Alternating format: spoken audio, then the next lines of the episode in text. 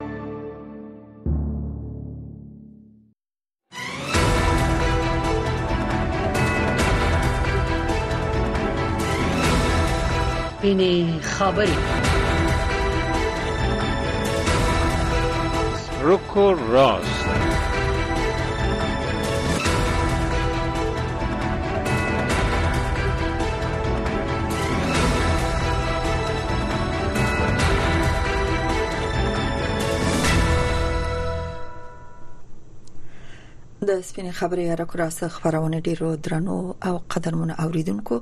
درنو لیدونکو ستړي مشي جوړوغ او سوکال اوسئ په همدې هیله د افغانستان په تړاو په مهمه موضوع د ملمنو نظر اخلو پر اساس حال کې چې د هي غونډه ته ګوت پښمیر ورځ پاتې دي د مرکزی اسیا او د افغانستان لپاره د اروپאי اتحادیه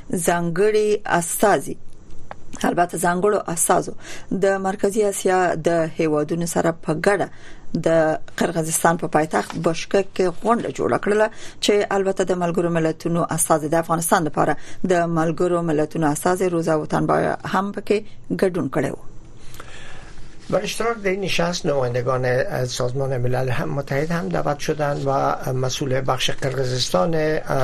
رادیو آزادی گفته که این بار این نشست بشکیک از اهمیت ویژه برخوردار است بله دا چې ځانګړی اهمیت به د دې غونډې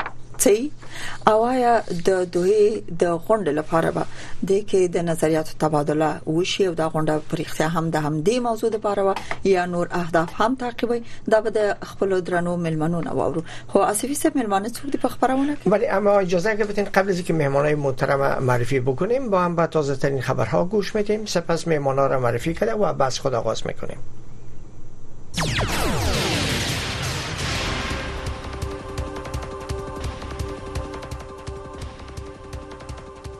درنو او محترم اوریدونکو السلام علیکم هم وکړئ د دې سات خبرونو ته ویاند غورځنګ د افغانستان لپاره د ایران د جمهور رئیس ځانګړي استازي او په کابل کې دغه هیواد سفیر حسن کاظمی قومي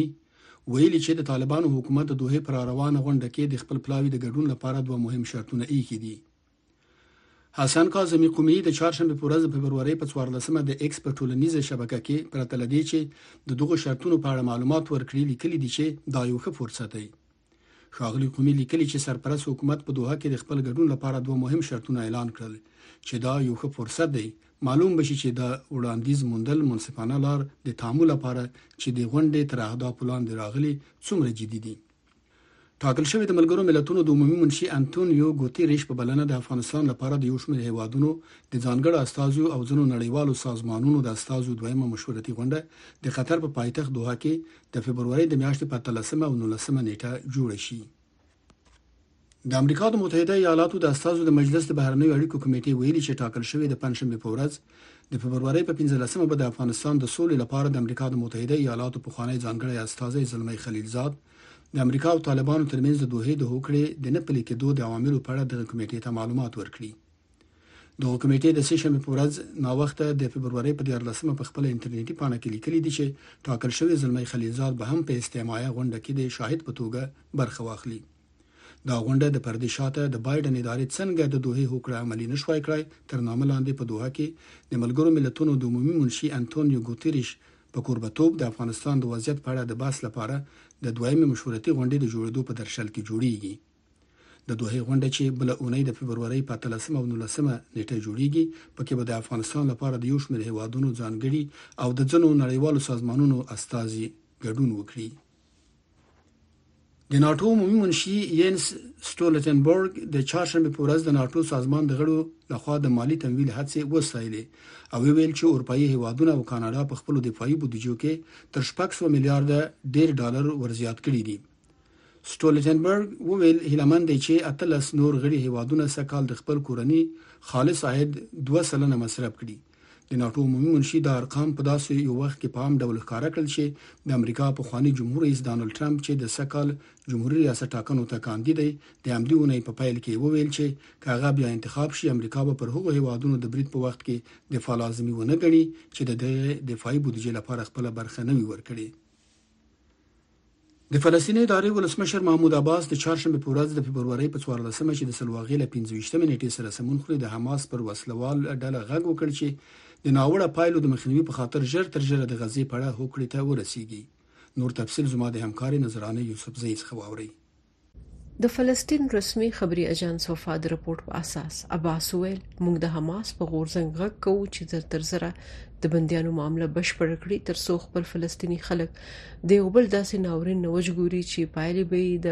1948 کال د نخبه نه ډېری خطرناکې وي ښاغلی عباس د اسرایل د رامنځته کېدو د وخت هغه جګړې ته اشاره وکړه چې له کبله یې دوه سوه شپېته زره فلسطینیان له خپلو کورونو تېښتې ته مجبور شول. د عباس په مشرۍ فلسطیني اداره چې په نړیواله کچه په رسمیت پیژندل شوې، دا اونۍ د حماس او اسراییلو ترمنځ د اوربند په هغو مذاکراتو کې برخه نه لرله چې مصر یې کوربتوب کاوه. نذرانه یوسفزۍ، امریکا غږ، واشنګټن. خبرونو ته ادامه ورکوو. د ترکیې جمهور رئیس رجب طیب اردوغان د چهارشنبې په ورځ مصر ته تللی او د خپل سیال عبدالفتاح السیسي سره یې کتلي څو د سیمې د دغو دوه ځواکمنو هیوادونو ترمنځ اړیکې بیرته ورغېږي دا له 2012 کال وروسته قاهرې ته د جمهور رئیس اردوغان لومړنی سفر دی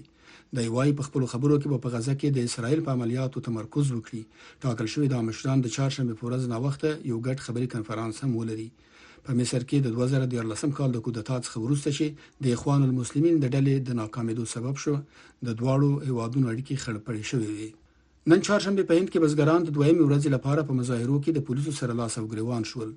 په لسګونو زره بزګرانو د مرکز نوي ډیلی پر لور لاریون کړی او د حکومت نه غواړي چې د هغوی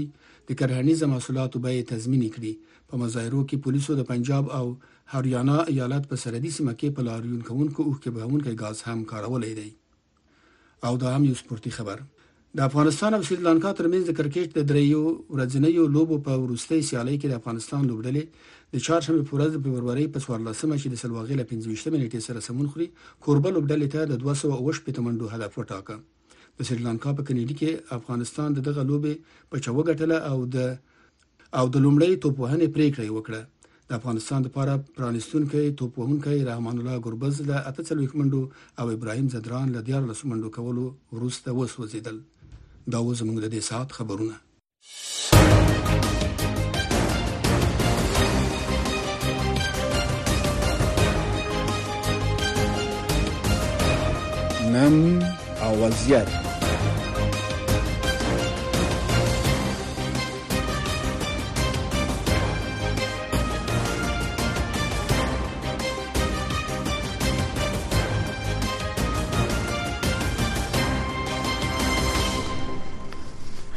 درنو اوریدونکو مننه چې تر دې شی به ملتیا وکړه د امریکا غږ آشنا رادیو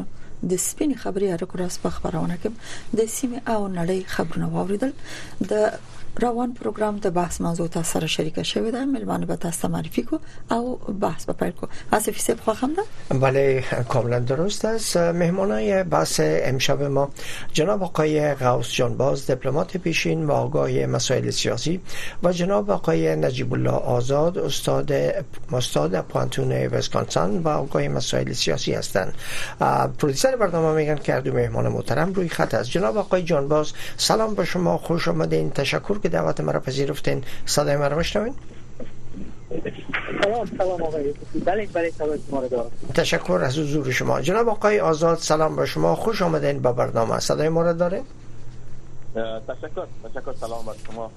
سلام شما را لارم تشکر از شما د دواړو درنو ملمنو نه په مننه چې زموږ بلنه منلې ده د امریکا غږ آشنا رادیو د سپین خبري اړو کراس په بحث کې ګډون کوي پښتنه به د قدرمن آزاد صاحب نه پیل کو آزاد صاحب ستړی مشه او سره په پښتنه مخبرګه کوم د لومړی ځل نه دی چې د افغانستان پر روان وضعیت د مرکزی اسیا هیوادونو د نړۍ نور هیوادونو کې د افغانستان پر روان وضعیت غونډه جوړیږي اما اوسنۍ غونډه په دسه وخت کې جوړیږي چې د دوه غونډې ته ګوت پښمیر ورځې پاتې دي ستاسو په نظر سره د دې چې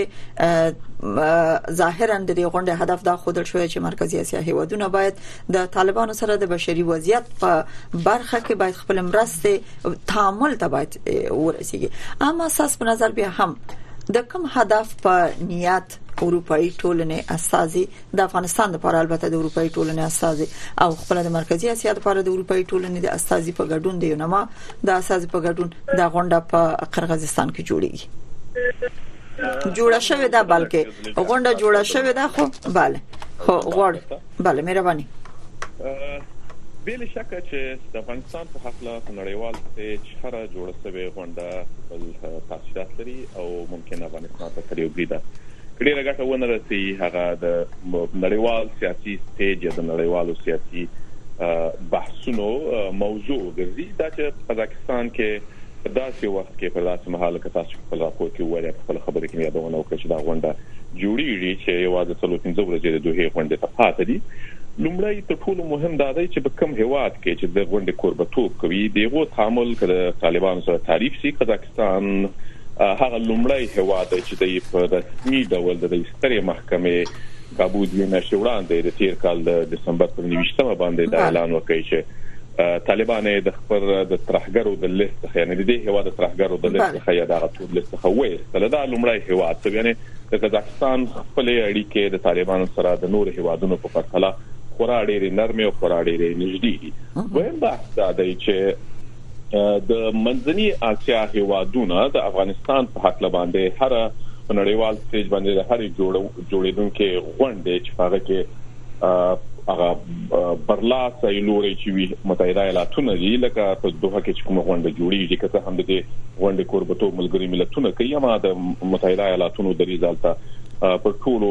نور ګډونوالو باندې خپل لوړ اغیز لري نو دغه سي غونډو لپاره بیا په منځنۍ اسیا کې داسې غونډې تر سره کیږي چې هغه یو واحد دریز ولري ظاهرا خدای د په افغانستان کې د قاچاق همدارنګه د نورو ترهګرو ډلو د مخنیوي لپاره پر دې باندې بحث کوي واحد دري سره دی غواړي چې د دوه کانفرنس ته نه نوځي لکن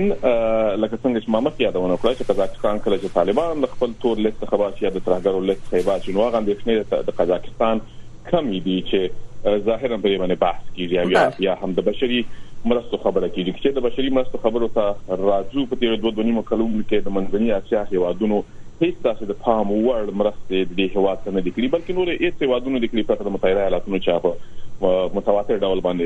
هغه ښکارا څلويش میلیونه ډالر هر میاشت طالبان ته ورکړي زه فکر کوم چې د دې د دې غونډې تر ټولو لوی هدف به همدغه وي چې د منځنۍ اسیا د هیوادونو خپل یو دریز وي د غرب په وړاندې که څه هم د اروپאי ټولنې استازي هم په دې غونډه کې ګډون کوي یا د غوپ کوربتوب یو ډول یا د غوپ پیشنهاد د غونډه تر سره کیږي لکه په ټوله کې د افغانستان په مسله کې د متحده ایالاتونو د دریز په وړاندې یا هم ژغي کې یا هم په مخالفت کې ممکن حالت د دریز ولري دوی غواړي چې خپل یو دریځ د افغانستان په حق له ولري ځکه په سیمه کې ځینې تعاملات رامنځته شول د چین لخوا د طالبانو د سفیر په رسمي پیژندل او همدارنګه د چینایي کمپنۍ او د طالبانو د طالبانو د دیني مهمو چارواکو ترمنځ د افغانستان د زیرمو یا د معدن تړونونه هم د دې باعث وي دي چې ځینې هیوادونه لکه متحده ایالاتونه د طالبان سره په تعاملاتو او په سیمه کې د د خپل دریزونو څه اندېښنې راپورته کړې دي بله مننه آزاد صاحب بیرته تاسو نور پښتنو ته راګرځو یعنی تاسو هدف دا دی چې د سیمه ایزو یا د نړیوالو رقابتونو یو برخه ګرځیدل د دا رقم غونډه تاسو نه مننه بیرته راګرځو تشکر آقای آزاد جناب آقای جانباز در حالی که نشست دوحه روز یک شنبه و دوشنبه آینده برگزار میشه و قبل از نشست دوحه نخست یک نشست در کابل از گروه تماس با اشتراک نماینده ایران و هند و پاکستان و روسیه و چین برگزار شد ای بار در بشکک نماینده اتحادیه اروپا برای افغانستان و کشورهای آسیای مرکزی با حضور روزا تنبایوا نماینده ویژه سازمان ملل متحد بر افغانستان هم برگزار شد به نظر شما در حال حاضر این یک نوع رئیزه نیست برای که چی مسائل مطرح شود و کشورهای منطقه مهم است که با نظریت اتحادیه اروپا و یا ایالات متحده همسو باشند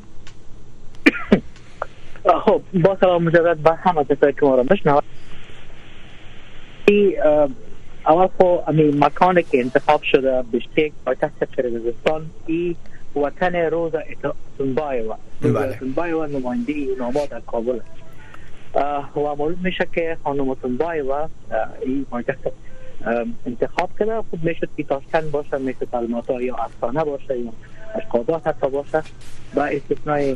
تاجکستان به هر حال حال خوی جلسه دایر شده در کرغزستان و مرکزش بشکیک همه قسم که شما هم در تفسیر خان و خانم ماشان در تفسیر خود گفتن در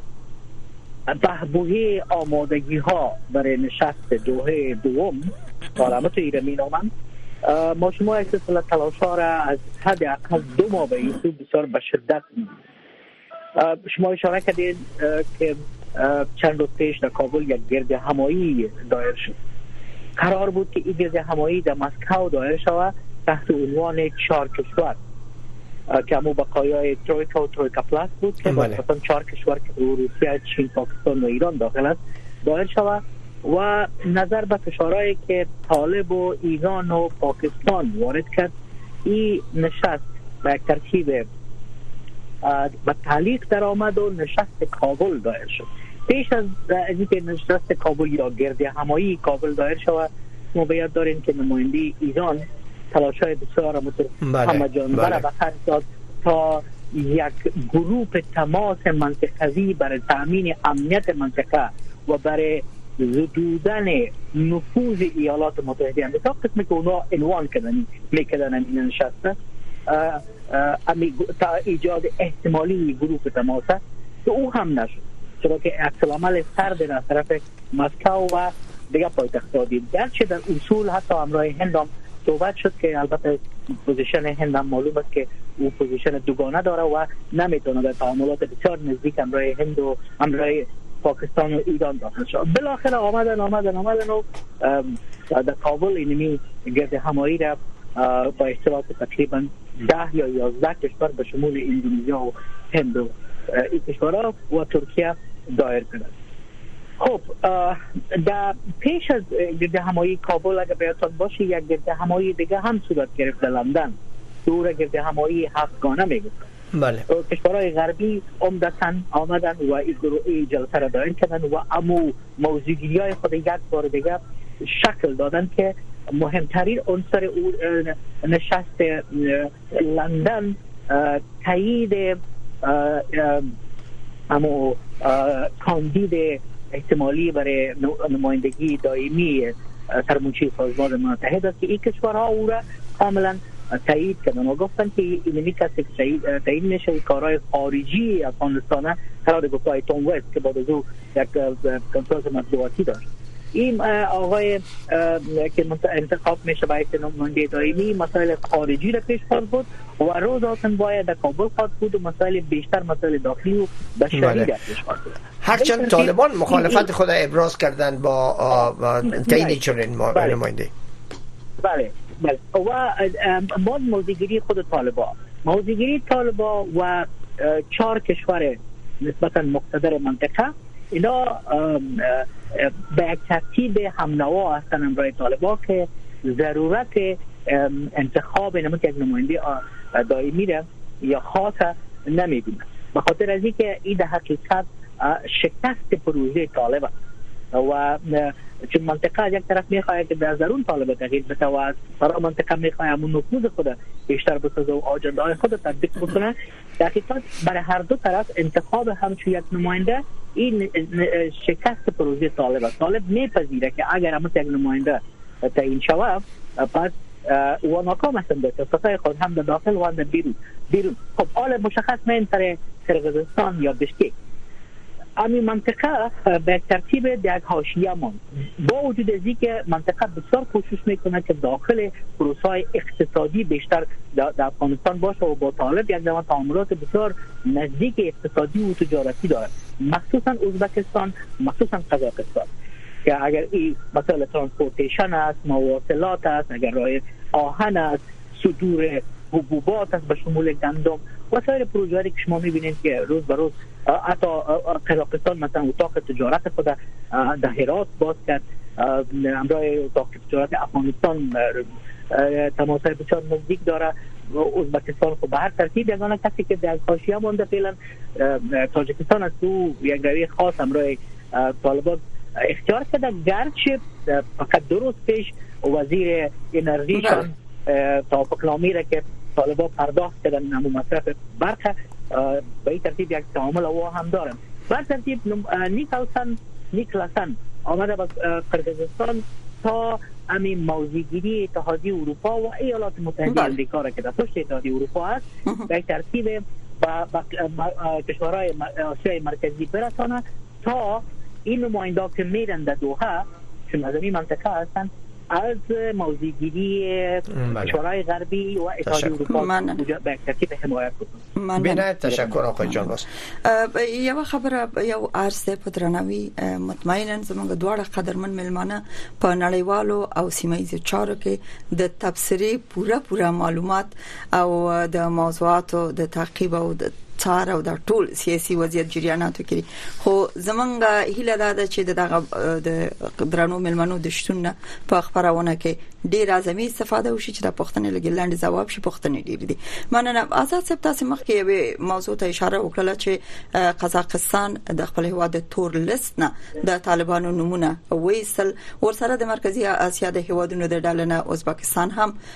په ازبکستان کې د افغانستان سفارت طالبانو ته په حساب سپارل شوې ده او اوس د یو ځانګړي تعامل غوښتونکي هم دي چې تاسو او قدرمن جان باسه په تبصره وکړه څه فکر کوئ چې د اروپאי ټولنه به اروپאי ټولنه به د طالبانو سره د تعامل په برخه کې د مرکزی اسیا د هیوادونو سره لار یو کی یا په یو مسیر روان شي یو نظر به ولري ګوري اروپאי ټولنه د ځانګړي توګه د اسیا یا د منځنۍ اسیا په سیاستونو کې بیا چې پیدا کې افغانستان همیشه یو له هغه کلکېچن هیواد څخه دی چې همیشه د نړیوالو سیاستونو د سر موضوع ګرځیدل او اروپאי ټولنه په تیر کې هم د ډیر زیات واک نه دی لرلی هغه چې ټولنه چې هغه د هیوادونو یو ګټ مشترک ټولنه یا مثلا یو ګډ مشترک پلیټفارم رامنځته کی په هغه کې دریزونه همیشه د هوادونو مختلف پاتې شوی دي لکه هوادونه په ځانګړي توګه کله چې موږ د آسیا د منځنۍ اسیا هیوادونو ته راځو نو دا بیا خپل رول لري یو خدای منځنۍ اسیا هیوادونه د افغانستان سره پوله لري د افغانستان ته نږدې پراته هیوادونه دي او د دې ترڅنګ هیواد د خپل بهرنیو پالیسیو لمخې د هیواد سره خپل تعامل رامنځته کوي اما دغه سي اتحادیه بیا هغه ځانګړې پالیسی نه لري ځکه بېلابېل هېوادونه دې غوغړي دي او بېلابېل هېوادونه خپل درېځونه لري، که د اروپايي ټولنې پخوانۍ سابقې ته وکتل شي، د افغانستان په وضعیت کې یا په موضوعاتو کې په تېرو شلو پنځه ویشت کلونو کې دی هېڅکله د پام وړ کړنه نه درلوده یا یې نظر نه درلود، په ځینې بحثونو کې دی برخه اخلي، حتی ملګري ملتونه هم دي توانېدلي چې د نړۍ په لویو لویو قضایاوو کې دی خپل یو یو واقعي درېځ دی ولري، بلکې د هېوادونو د درېځونو تر اغېز لاندې راغلي، نو زه فکر نه کوم چې اروپאי ټولنه د منځني اسیا د هیوادونو د دریځ سره یا مخالفت وکي او یا هم په بشپړ توګه امژغي ورسره ولري د یو فیسلیټ د فیسلیټیشن رول لوبوي په ټوله کې د غرب او د منځني اسیا د هغه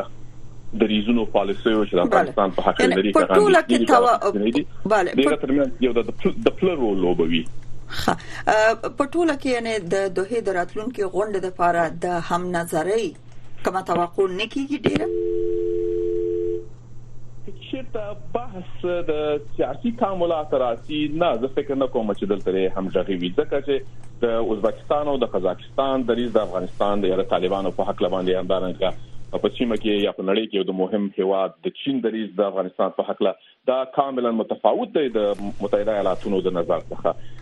نو په ټوله کې په سیاسي برخه کې زه فکر نه کوم چې د په بشپړ توګه په یو انزور کې راسي لکن هغه موضوعات چې هیڅ هیواد هم دغه ترستګي نه پکې لکه د ترهګرۍ تهدید افغانستان ښا یا د قاچاق حکومت کومه غلوې اندېښنه چې سیمه په نړۍ کې ده په هغه باندې به په یو په یو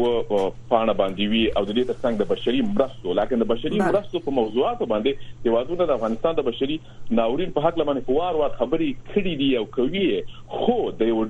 د یو د یو مرستندوی هواد په حیث باندې بیا نه دی را مخته سوي دا هوادونه کغه د سیمه هوادونه یې کغه نور هوادونه پرته له متحده ایالاتونو څخه یو غیر رسمي تعامل د طالبانو سره وس هم لري او دلته هم اوس بیلا بیل نظرونه په متحده ایالاتونو کې خبرې شوې کله چې کابو میاش وړاندې متحده ایالاتونو بهرنی چارو وزارت ته یو راپور داسې راووتی چې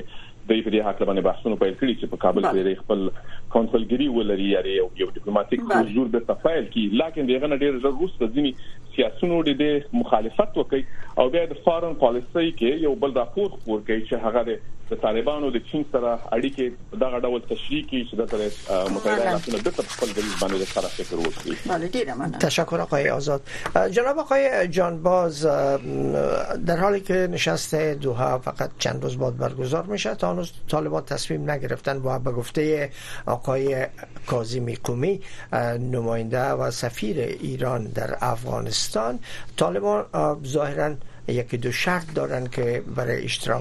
خود او را در کنشست دوها مطرح کردن فکر میکنید که طالبان هرچند ظاهرا علاقمندی ندارن اما در نهایت بالاخره شدید نگران هستند که چی تصمیم گرفته خواهد شد شما فکر میکنین از دید طالبان طالبان چی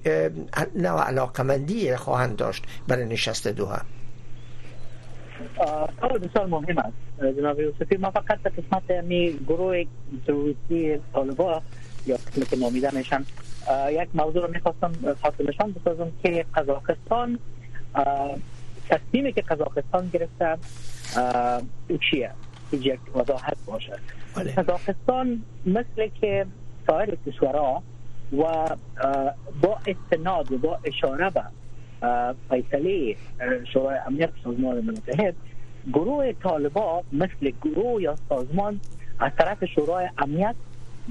به حیث گروه تروریستی به رسمیت شناخته نشد بلکه اعضای گروه طالبا که تقریبا 18 کس است جا به تحریم شده و برای تقاهای از یا هایی که کسایی که در توریزم بیدخل بودن و سایر جرایم سازمان یافته سرجات تحریمات وضع شده و بعضی هایشان به حیث تروریسم شناخته شده خود گروه طالبا به حیث گروه تروریستی از طرف ملل متحد شناخته نشد و فیصله قزاقستان در این چارچوب بوده این کشورها است که گروه طالبان را به حیث سازمان فیزیکی شناختن مثلا فدراسیون روسیه و بسیاری کشورهای دیگه به اساس فیصله های محاکم خود گروه طالبان را گروه تروریستی اعلام کردن برای لزو یک سازمان بینملی توریستی نیست این یک وضاحت باشه و قزاقستان به می فیصله استناد میکرد بله من فهرست فهرست طالبا را ذکر شد بله. دو من طالب چی میخواد طالب تا جایی که ما معلومات دارم میخواد که بر از ما در این نشست دوم دوحه پروتوکول دولتی داده شود بیرق از جا اونجا گذاشته شود و وزیر از جا وزیر طالبان نامیده نشه وزیر امارت اسلامی نامیده شود که اینا ممکنه و همچنان در قسمت انتخاب نماینده خاص باید که نظریات طالبا مد نظر گرفته شود که این نظریات ناشی از است که طالب و بعضی متحدین منطقویشان میخواهند که این نماینده خاص صلاحیتایش در اول صلاحیتش بسیار محدود باشه و دوم زیر کنترل گروه طالبا و گروه منطقه بعضی کشورهای منطقه باشه که با این شرایط طبیعتا که اکثریت کشورهای اشتراک کننده و نماینده خاصشان به احتمال قوی موافقت نخواهد کردن لیکن آقای متقی، ملا متقی، میره به کنفرانس متر گل واره میره اونجا میشینه در محاشیه و مشنوه که برای چی بله بله تشکر آقای جان باز گفتن که کوتاه بزنید امام کوتاه بله تشکر کور ودان جان باسب آزاد صاحب تر ډیره د طالبانو او د نړۍ په خبرو کې یا د نړیوالو سره په خبرو کې یا دا ډول غونډې چې کیږي لکه اوس چې په بشکک کې جوړه ده یا د تماس ډله و یا نور غونډې چې وخت په نه ځای کو تاسو جریان کې استي همیشه د طالبانو او د نړۍ یا د سیمې د هیوادونو د تعامل خبره کیږي آیا د دوه راتلونکو غونډه چې د بشکک غونډم د دوه د غونډې لپاره د نظریاتو د تبادله یا د یو نظر اخستو یا طالبانو سره د تعامل تقریبا په همدې نوم هدف پیدا احساس دی وینا او د جنواس د وینا قراره د سې کومه لار طالبانو سره د تعامل پرانیزي یا د فیصله به وشي ځکه دریم کال د دوی د حکومت راتلون کړي وخت ډیر تیر شو که د تیرو دونیمو درې کلو کړي وخت ته وکتل سي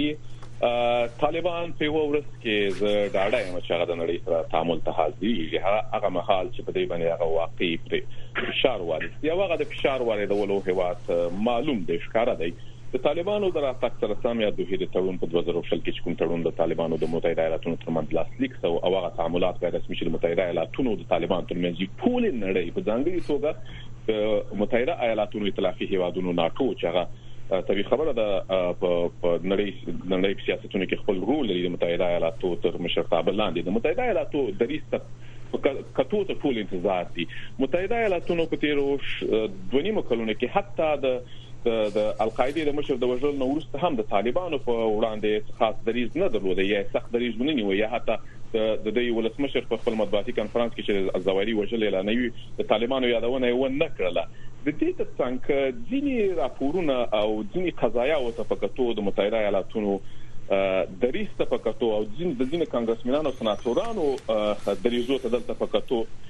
دا په ډاګه ویلای شم چې متحده ایالاتونه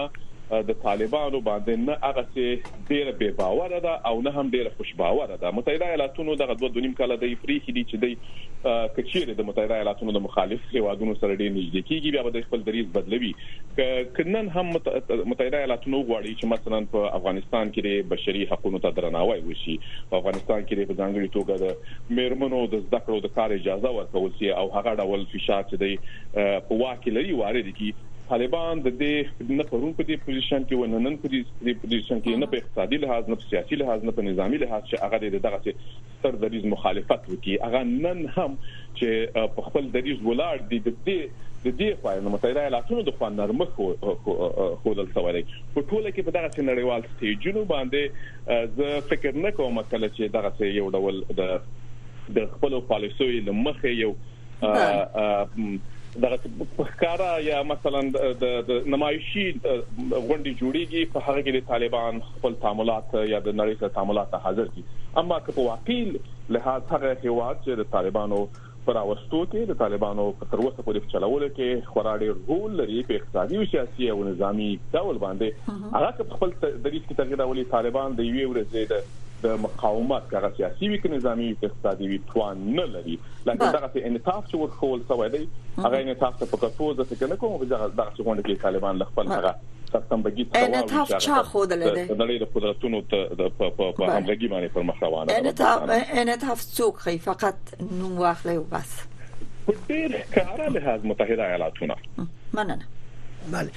جناب آقای جانباز یکی غیر از کشورهای که اشتراک میکنن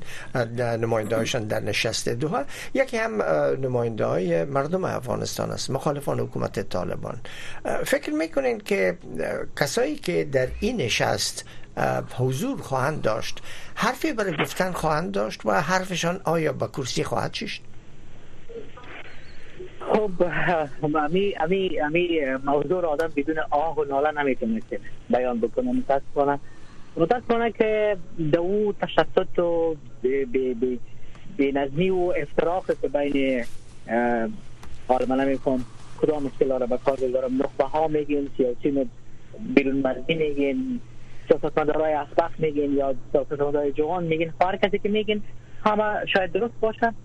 متاسفانه که یا تا امروز نتانستن یک هم نوایی را هم سویی را هم نظری را هم دلی را اقلا به یاد به ایجاد بکنن تا جایی که ما خبر دارم ایالات متحده امریکا و بعض کشورهای دیگه تقریبا از یک کنیم دو ماه به این سو کوشش میکنن که این مردای خدا را یا این زنای خدا را به اصطلاح کلمه کلمه بسازن یک جای بسازن و یک یک حداقل یک نظر واحد در بیان از جا بیارند کلانترین ابتکار ای جنابا ای بود که گفتن ما عالمی آخرین ابتکار به اصطلاح ابتکار بسیار بسیار بیمانایشان که ما فدراسیون میخواییم در افغانستان او آدم تو اول بیا داخل مخاک شو تو داخل آجندای سیاسی شو تو اول خودت متبارز بکن که تو کی است یک بار یک صدای متحد پیدا بکو اگر در انقره هستی در استانبول هستی در دوشنبه هستی در تهران هستی در اروپا هستی در واشنگتن هستی تو اول خو یک انسجام مرکزی واحد پیدا کو تو خو اول طرف خود خانوما را کشف کو او بیچاره در به در هستن صدایشان کس نمشنوه وار در این مرکز در این اتحاد یک جای بساز و یک نظر واحد یک آجندای واحد پیدا کو که باز که تزمینی آجندا از تو دعوت صورت بگیره و بری در دوحه امرای طالب و هم در حاشیه قسمی که گفته میشد چون اونجا خود نماینده خاص بله. و کنفرانس برنامه یعنی, یعنی به نظر شما هوی بله. بودن از اونا کدام مسئله ای را ندارن بیشتر نمادین خواهند بود درست؟ دقیقا نیست آه اگر اتحاد فکر و عمل می بود و این ملموس می بود درست به اون صورت بدون شک اروپا هم رای اینمی اینمی مرکز افغان ها گپ میزد ایالات متحده امریکا منطقه و طالب حاضر میشه خب میبینه طالب میگه من روی کی گپ بزنم به امریکا به می ادبیات میگم میگه من روی کی گپ بزنم یا اتفاق بله. نظر ندارم یا بله. اتحاد نظر ندارم کجاست که کی گپ بزنم درست خب کاش که ما میدانستیم اینا رو تو یک مرکز ایجاد بکنیم غیر از که میریم به افراط قومی به افراط منطقوی یک چیز متحد برای افغانستان یک آجندای را برای افغانستان متحد یک, یک, یک, یک روایت ایجاد کرده نمیتونیم بیتفاقی ما را روز تا روز بیشتر از یک دیگه جدا می سازه و طالب از این بله. استفاده میکنه اگر بله. نه کسی که نفع میبره طالب از اونو نیروهای دیگه زمنطقه که بی نظمی در افغانستان میخواهند دوامدار بسازند متاسفانه تشکر خواهی شما صدای زیاره کسی متاسفانه شاید برم کسای در اوجه اشتراک کنند مخصوص میشم که هر کسی که میره در اوجه بره در اقل یک صدا بلند شود ولی نتیجه چی خواهد بود تشکر ممنون جان واسب آزاد صاحب روسیه هم وخت نا وخت د افغانستان په تړاو غونډې جوړې کړې دي یعنی په مسکو کې غونډې جوړې شوې دي اوس د مرکزی اسیا هیوادونه چې د سره ټولیږي او غونډه جوړې د افغانستان په اړه خبرې کوي ساس د وینا له قراره چې د سید بشری وضعیت په برخه کې یا د بشری مرستو په برخه کې د سید پام وړ څه نه دي کړی نو د دوی تشویش د کم اړخ نه د افغانستان چې هغه به راتلونکو نورو غونډو کې یاد لکه د دوه غونډې په څیر غونډو کې د موضوعات جدي مطرح شي که یوازې د سیمایزو او نړیوالو رقابتونو ته پکاتو د یو بلاک جوړول دي یا یو ځانګړي تعامل ته لار برابرول دي تاسو وایي ګوره غلی آشنا تیرو شل کلونو ته پکتو کله چې الته د افغانستان جمهوریت دولت وو او د افغانستان قضایو کې په نړیواله کچه باندې ناسې تر سره کړي به خډیر ناسې په هغه کې وسوي په روسیا کې وسولې همداسې په منځنۍ اسیا هیوادونو کې وسولې او بیا د طالبانو دراتګ اوس هم د ناس یاري جریان لري حتی په چین کې وسولې یعنی په اسیا او جنوبي اسیا او منځنۍ اسیا کې وسولې دا کې نه ونه سکله چې په دوه کې د متحده ایالاتو طالبانو ترمنځ وسوله هغه پریکړه وکړه دغه ناس په یعنی تیرو ناستو ته په کتو او لسګونه ناستې چې دي په تیر شلو پنځه ویشت کلونو کې حتی د اسیا د اسیا زړه چې ډیر مهم ناستې دي په هغه کې ناستې چې ویلي چې افغانستان جمهوریت اسلامي دولت د خپل استازیتوب لاره لکه د افغانستان په قضایو کې هیڅ ډول تاثیر نه درللی هغه ناستو په کتو دغه ناستې هم تاثیر نه سي درللی دا چې د اندېښنې چې دي ښکاره خبره ده هیوادونه کله چې په بهرني سیاستونو کې هغه خپل ځای لري یا حد اقل خپل اندېښنې یا خپل خپلې ګټې په پام کې نیسي نو دی هغه هغه د یو لوبغاړي په صفت باندې میدان ته راکوزیږي دا چې دی په دې لوبه کې څومره لوبېدلی سي یا د دې لوبې کنټرول یا د دې لوبې رفري یا د دې لوبې فند ورکوونکی څوک دی هغه که دی په واکه نه هم وي هدا عقل دی لوبغاړي په صفت چې منل شوی لوبغاړی دی هغه هغه دګر تر کوزيږي په ټوله کې د دغه اندېښنې چې په نړیواله کچه هغه چې په ملګرو ملتونو کې به باندې بحثونه کیږي یا نړۍ په حق کې باندې بحث کیږي دغه دغه په خلاف د اسلام نه چې مثلا په افغانستان کې بله د دې غونډو یادونه چې تاسو وکړه او بخې خبرم په ګل بدل نړۍ یو رقم سرسامه ده دلته غونډه الته غونډه تاسو یو چې مطلوب نتایج هم نشته دا غد ټول په دې پویږي اوریدونکو په دې پویږي چې نتایج تر اوسه پورې د افغانستان لپاره ملموس نه بس سړی به دې نتیجې ته تاسو د خبرو له وینا او بخې د تبصرې له قرار رسیږي چې اصلا د بشري وضعیت خاص کر د افغانستان د بشري وضعیت په حق له د نړۍ د ناری سوري بے فائدہ دي یا یو رقم تظاهري بڼه لري اصلي نور لوبي روان دي سیاسي لوبي روان دي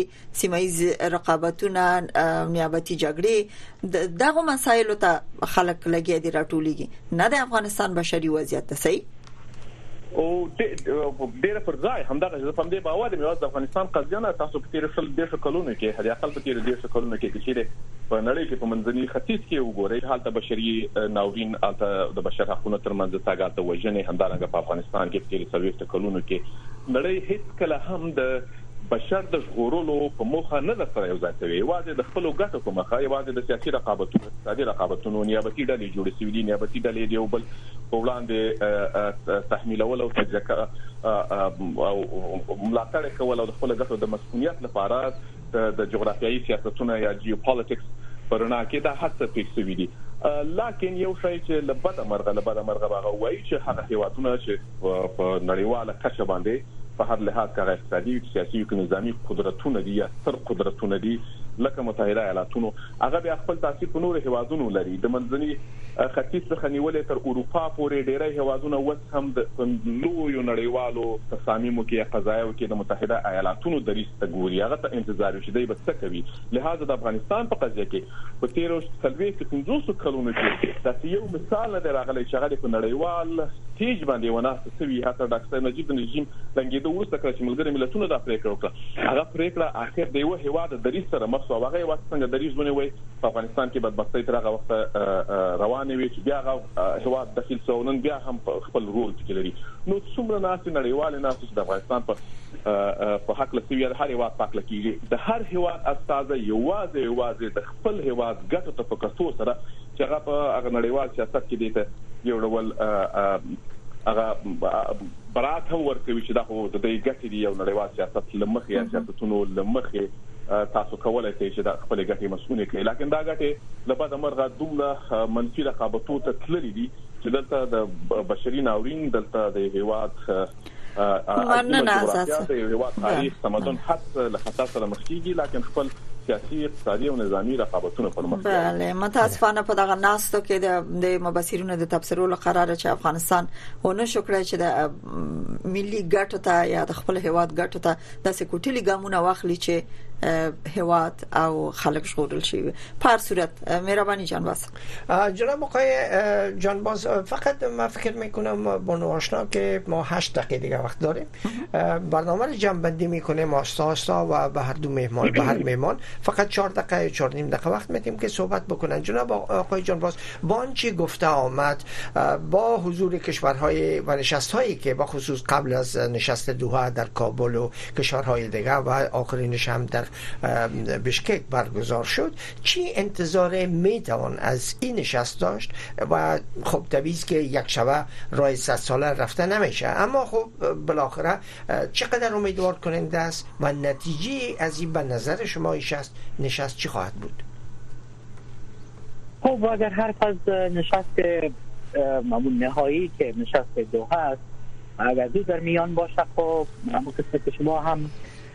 تلویحا گفتیم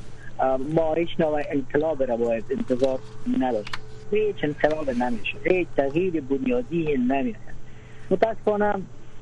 به سه نکته میخوایم که اشاره کنم و توجه شما را به او جلب کنم بفرمایید یک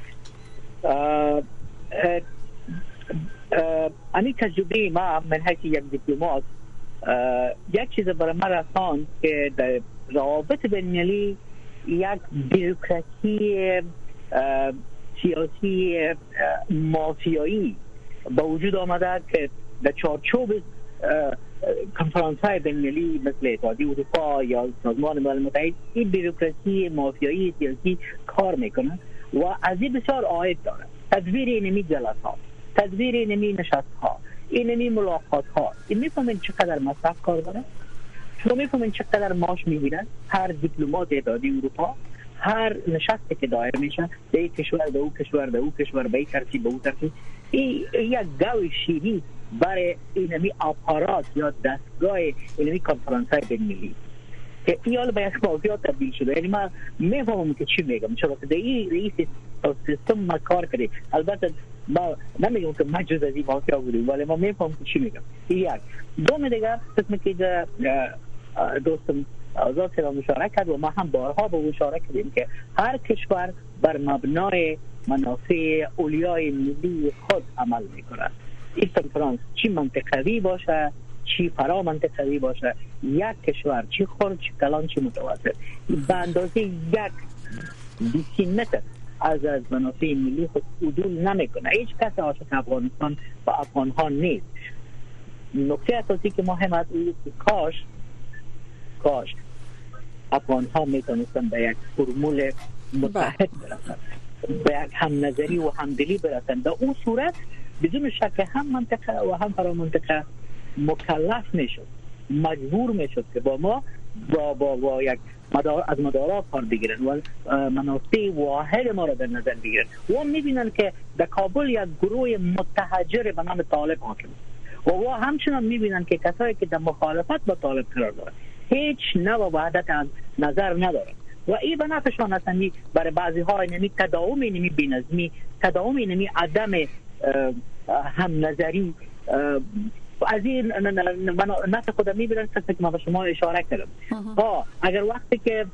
مثلا کار به استخوان میرسه و باز میفهمند که ایجا میتواند به کشورهای خودتان خطر باشه حالا امی قطعنامه آخر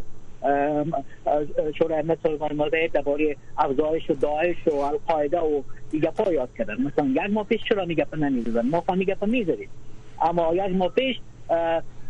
وضعیت تا دیگه بود حالا خود خب دوحه دایر میشه باید طالب دیگه هم زیر فشار قرار بگیره بله. خب ما خودی روزا میگه پا میذاریم درست؟ اما ما کسایی که تعلیم میکنیم مسائل پا میگه پا دی روزا میذاریم به این جهت گروه های تروریستی دیگه آمد و طالب نظر به فطرت خود دیگه کار کرده نمیتونه غیر از که استبداد کنه ترور کنه مردم خود این خب ما دیروز هم میگفتیم یک ما پیش هم میگفتیم چطور شد که ده خطر شورای امنیت متوجه این شد بله. هر حال این که نکته بود که خاطر بله. ساخت ما کدام انقلاب را از این نشست انتظار بله. نداریم نماینده خاص تعیین میشه صلاحیت های شایسته حساب برملا خواهد شد و امو هیتی دایره کارایش هم بهتر معلوم خواهد شد تشکر آقای جان از حضور شما تشکر ممنون و آزاد صاحب څلور دقیقې وخت لرو چې تاسو پوښتنه ځواب کړئ پوښتنه مې دوه جزء لري اول دا چې د دوه د توافق لمخې طالبان په افغانستان حاکم شول ولې تر نن ورځې پورې چې تقریبا 2 نیم کال شول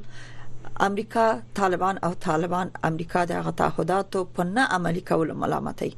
آیا د دوه پر راتلونکو غونډه کې به د څه وشي چې دواړه لوري ځان د ملامتۍ نه وباسي دا یو بله دا چې د استازي د ټاکلو په اړه به هم فیصله کیږي چې د بشکیک په غونډه کې هم د دې مسایلو یادونه خامخا شوي څه فکر کوي چې د استازي ټاکل د افغانستان روان وضعیت بدلول شي لومړی خدا چې لبد مرغه کابو بوج د ویش کال وړاندې بوند افغانستان تصمیم ونیو تر هغه وخت و چې بیا دوه ځایناست سو او د همدې ځایناستي تداوم کې د بیا هم دوه او دوه دوه او امر پریکړې کیږي د طالبانو سیاسي دفتر هغه ته بیتسنو او همدارنګه د متحده ایالاتونو په دوه کې دغه ناسې جوړول که څه هم ظاهرا د ملګرو ملتونو د کوربتوب نوم ورکړی دی په دغه ناسه کې زه فکر کوم چې یو له ټولو لوی هدف به تر یو بریده پورې لکه د متحده ایالاتونو د هیواد په څیر هدف به دا وي چې د د سیمې د هیوادونو یو ډول رسمي دریزونه د آن د ریکارډ د ځان سره خپل کی هغه که هر دریز وي ځکه هیوادونه په بیلابیلو وختونو کې د خپل پلیټ فارم د افغانستان په حق له باندې خپل دریز لري یا خپل خپل خپل ویناوي یا تعاملات طالبان سره دي لکه په دغه ناسته کې به یو مجموعي آن د ریکارډ د کټوي دریز د هر هواد راوخیل شي او دغه پر رڼا کې به بیا سوي خبره ده چې کسبات کسبات کوم هواد مخالفت کوي د متحده ایالاتونو یا د ملګرو ملتونو له دریځ څخه چې متحده ایالاتونو څخه راشي لاندې دی نو دا ان ریکارډ ناست یا یا وینایو به یا دریځونه به ریکارډ شي دویم بحث دا دی چې تاسو د پښتنې بل برخه چې آیا د ملامتیا د طالبانو متحده ایالاتونو د دوه د تړون وروسته یو په بل اچوي د دې ترمنځ خورا ډېر ډېر څه تعاملات روان دي د دې ترمنځ په وار وار ډېر په تېرو دوو دوه نیمو کلونو کې د دواړو هېوادونو استخباراتو یا د طالبانو او د متحده ایالاتونو استخباراتي مشرانو ناستې سره کړې دي، همدارنګه اقتصادي مرستې وروانې دي، پیسې وروانې دي، نو هغه ظاهري یا یا رسنیزې ادعاوې هغه یوازې د دې لپاره دي چې ګواکې دواړه طرفین یو د بل مخالفت یو د بل مخالفین ځان وشي یو د دې ترڅنګ طالبان هم دا دا ادعا وکړي چې دوی د خپلواکي دي او د متحده ایالاتونو تر تاشین لاندې نه دي چې په بشپړه توګه غلط نه ده رسنیزې ادعاوې دي په ټوله کې په عملی ډګر کې ځمکني واقعیتو ته په کتو سره د نه هغه ته ملامت دی هغه نه دی ته ملامت دی د خورا یو ښه پروتوکول لمخې دواړه خپل تعهدات ته په درېدو هغه پریکړه چې کړې او هغه چې وکړه د افغانستان جمهوریت نظام لمنځه ولاړی او دا راغله او هم دا پریکړه سوي و دا چې د دوی د تر ځانګړی استاد ټاکل کیږي کنه زه فکر کوم چې دا بند دوه په ناسه کې دا یو څه ژر وي ځکه تر اوسه پورې هم هغه ډول چې د پښکارا ظاهرا د هیوادونو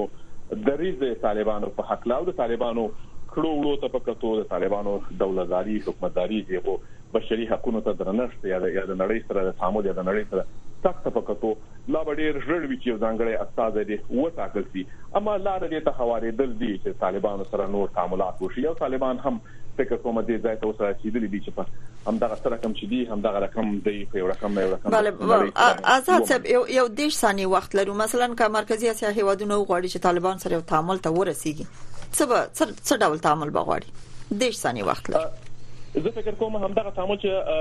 لوړاندې د منځنۍ اسیا هیوادونو لري هغه د طالبانو سره تر ټولو ډېرې نږدې اړیکې ان په دې معنی چې تاسو راته خورا ډېر عادي دی هغه کسان چې په تور لیست کې وغږل لیست کې خپل سوي دي ځینې اقتصادي تړونونه ترمنځ تا او او په ځینې ژمنې هم سوي دي هغه په ترهګرۍ په وړاندې یعنی مشخصا دغه د لوړاندې چې منځنۍ اسیا هیوادونو تر خطر وی طالبان یو غوډه ډار وکړي چې دا دلته